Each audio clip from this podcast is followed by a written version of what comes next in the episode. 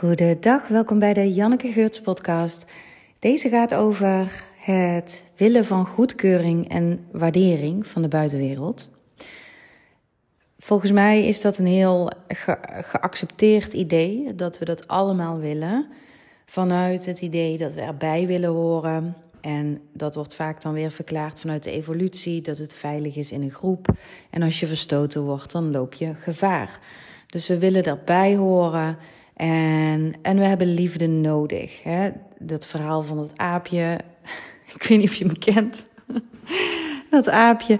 Het ene aapje krijgt via een mechanisch iets een, een, fles. En de andere aapje krijgt uh, van een mechanisch iets met een, um, met een vacht of zo. Die het dan ook knuffelt, een fles. En, uh, en de ene die dus geen liefde krijgt verder, die overleeft het niet. Zoiets is het. Super triest verhaal, maar dat we dus liefde nodig hebben. Nou, dat hele verhaal wil ik toch even anders belichten. Want goedkeuring en waardering hebben geen werkelijke betekenis.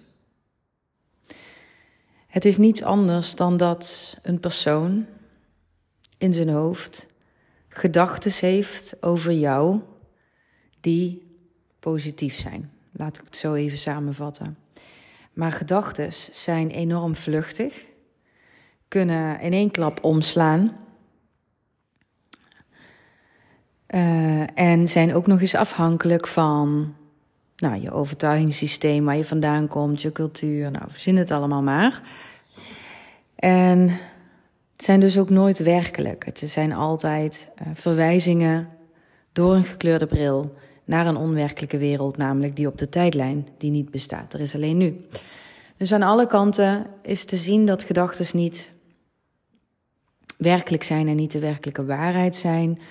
En dat ze ook nog eens komen en gaan en erg gevoelig om om te slaan. zo kun je de ene dag iemand op een voetstuk hebben, dan doet hij iets en dan dondert hij er vanaf en dan vind je iemand verschrikkelijk. Ik hou van het zwart-wit heldere simpele. Dus ik doe alles radicaal. Van liefde naar haat. Maar goed, het is ook wel echt hoe het ego kan functioneren. I love you, you're amazing. En dan in één klap, oh, oh, dit doe jij zo? Nee, dan vind ik jou echt, echt helemaal kut ineens. En wat betekent dat? Ja, helemaal niks dus. Uh, want in eerste instantie geloofde iemand gedachten in zijn eigen hoofd over jou, die ook al niet waar waren. Want jij kan geen gedachte zijn. Een gedachte kan jou niet omvatten. Het wonder dat je bent. En daarna gelooft die gedachten die uh, lelijk zijn over jou, die natuurlijk ook niet waar zijn.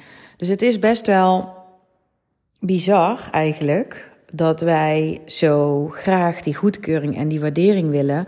Als je gaat kijken naar wat het betekent, helemaal niets namelijk. Ja, waarom dat, waarom dat zo is. Um, nou ja, wat ik net al zei, vanuit de evolutie en zo, maar ook omdat wij zelf onze eigen gedachten allemaal geloven. Daar zit eigenlijk de crux. Want wij geloven dan bijvoorbeeld de gedachte: ik wil dat zij me lief vindt. Ik wil dat zij me aardig vindt. Ik heb het nodig dat zij me aardig vindt. En omdat we dat geloven, en dan blijkt de realiteit anders, dan lijden we. Dus dan geloven we: ik heb dat nodig. Maar dat geloof was al foutief. Want dat is niet wat je nodig hebt. Want dat aapje die je knuffelt, dat hoeft niet één specifieke persoon te zijn. Dat hoeft niet uh, Jantje te zijn. En, en dat Jantje jou altijd op één zet en jou hele dagen, all day, every day als enige knuffelt. Omdat jij de meest bijzondere ter wereld bent. Dat is niet wat we nodig hebben. We hebben elkaar wel nodig, maar dat is wat van nature overblijft als we niet mensen met onze gedachten zo extreem speciaal maken en anders maken dan anderen. Dus als we veel meer met elkaar verbinden en elkaar zien op een ander niveau, namelijk wat we in wezen zijn, wat leven in wezen is. En dat heeft veel minder te maken met die plaatjes en die labels. En uh, ja, daar leven we echt totaal nog niet in. Wij leven echt op verhalen, zo van Beyoncé wordt helemaal bewonderd en aanbeden omdat zij een aantal uitgesproken talenten heeft. En uh, ja, in haar leven gigantisch goed gefaciliteerd en, en gedrilled is om daar het meeste uit te halen. Terwijl, ja, Henk op de hoek, die in zijn leven gefaciliteerd is om nou, met een boterhammetje pindakaas naar school te gaan en na school tv te kijken, die haalt er ook de max uit. Gewoon helemaal, weet je wel. Henk is echt stralend, fantastisch, onnavolgbaar Henk.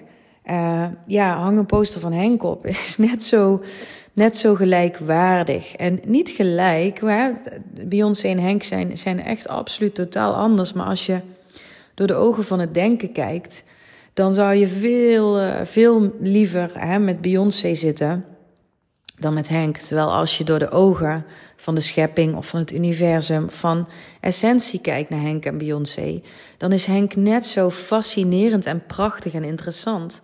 Hoe denkt Henk? Hè? Hoe, hoe ziet Henk het leven? Dan is dat leerzaam, dan zit daar ook goud. En dan heb ik het nog over nut, over functie. Alsof mensen functie moeten hebben, maar dat is eigenlijk ook ego. Dat, dat contact met mensen altijd ergens toe moet leiden.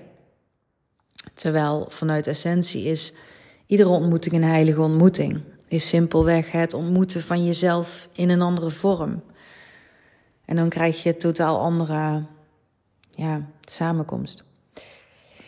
Dus ja, er is een totaal andere manier om te kijken naar hetzelfde. En uh, in de cursus in wonderen wordt dat genoemd. Er is altijd een mogelijkheid om het anders te zien.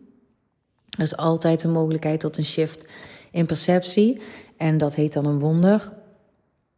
En dat bevrijdt je heel diep, want het is echt een flinke kooi die goedkeuring en waardering van anderen willen. En ik wil hiermee niet zeggen uh, dat dit nooit opspeelt, dat ik nooit geïdentificeerd ben met mijn gedachten en, en dat ik dat dan zo voel. Uh, dus dat gebeurt wel eens. Ja, ik vind het lastig uitleggen trouwens, want ik zie het altijd wel gebeuren. Het is niet ja, het is meer dat, dat die um, gedachtenbeweging uh, wel door, door je heen kan blijven stromen. Maar wat je kan doen is hem zien gebeuren.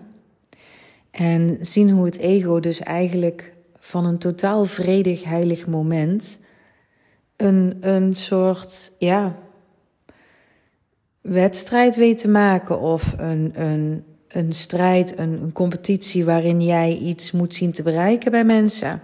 En de paradox is dat juist wanneer je daarin zit, wanneer je gaat grijpen bij anderen, dan kom je in een energie die verkrampt is, die veel minder aantrekkelijk is, die jou ook een rotgevoel geeft, waardoor jij eerder leegloopt, waardoor jij eh, dan vervolgens weer wrok gaat koesteren naar mensen, want ja, die schuld gaan we dan weer op de mensen leggen. Dus het is best wel een, een um, vermoeiend spel. En het kan dus anders. En ja, ik wil je uitnodigen om de komende tijd eens alert te zijn op wanneer je op zoek bent naar aandacht, goedkeuring, waardering van andere mensen. En om dan het gewoon te zien gebeuren in je. Te zien gebeuren in je denksysteem dat je dat graag wil. Te zien gebeuren wat je daarvoor doet of laat. En alleen al het aanschouwen, het bewust zien van dit ja, mechanisme, van deze programmering doet hem zijn kracht verliezen. Ben je er niet helemaal in verdwaald. En op het moment dat je er niet helemaal in verdwaald bent, heb je een andere keuze. Dan kun je namelijk dit verhaal laten vallen, daar niet in investeren. En kijken of je weer vol aanwezig kan zijn zonder dat verhaal. In het leven als het leven. Ja, en deze shift is zo belangrijk omdat het je helpt om dicht bij jezelf te blijven, om keuzes te maken. Niet omdat je die goedkeuring, waardering wil van de wereld. Waar heel veel van, van het gedrag van het ego op gebaseerd is. Om die goedkeuring, die waardering te winnen, die liefde te winnen. Maar om te gaan voelen waar jouw vreugde zit. Waar jij blij van wordt. Waar jij passie over voelt. Om stappen te gaan zetten naar een leven wat werkelijk bij jou past en wat niet gebaseerd is op angst. En dan proberen die angst weg te krijgen door anderen via anderen.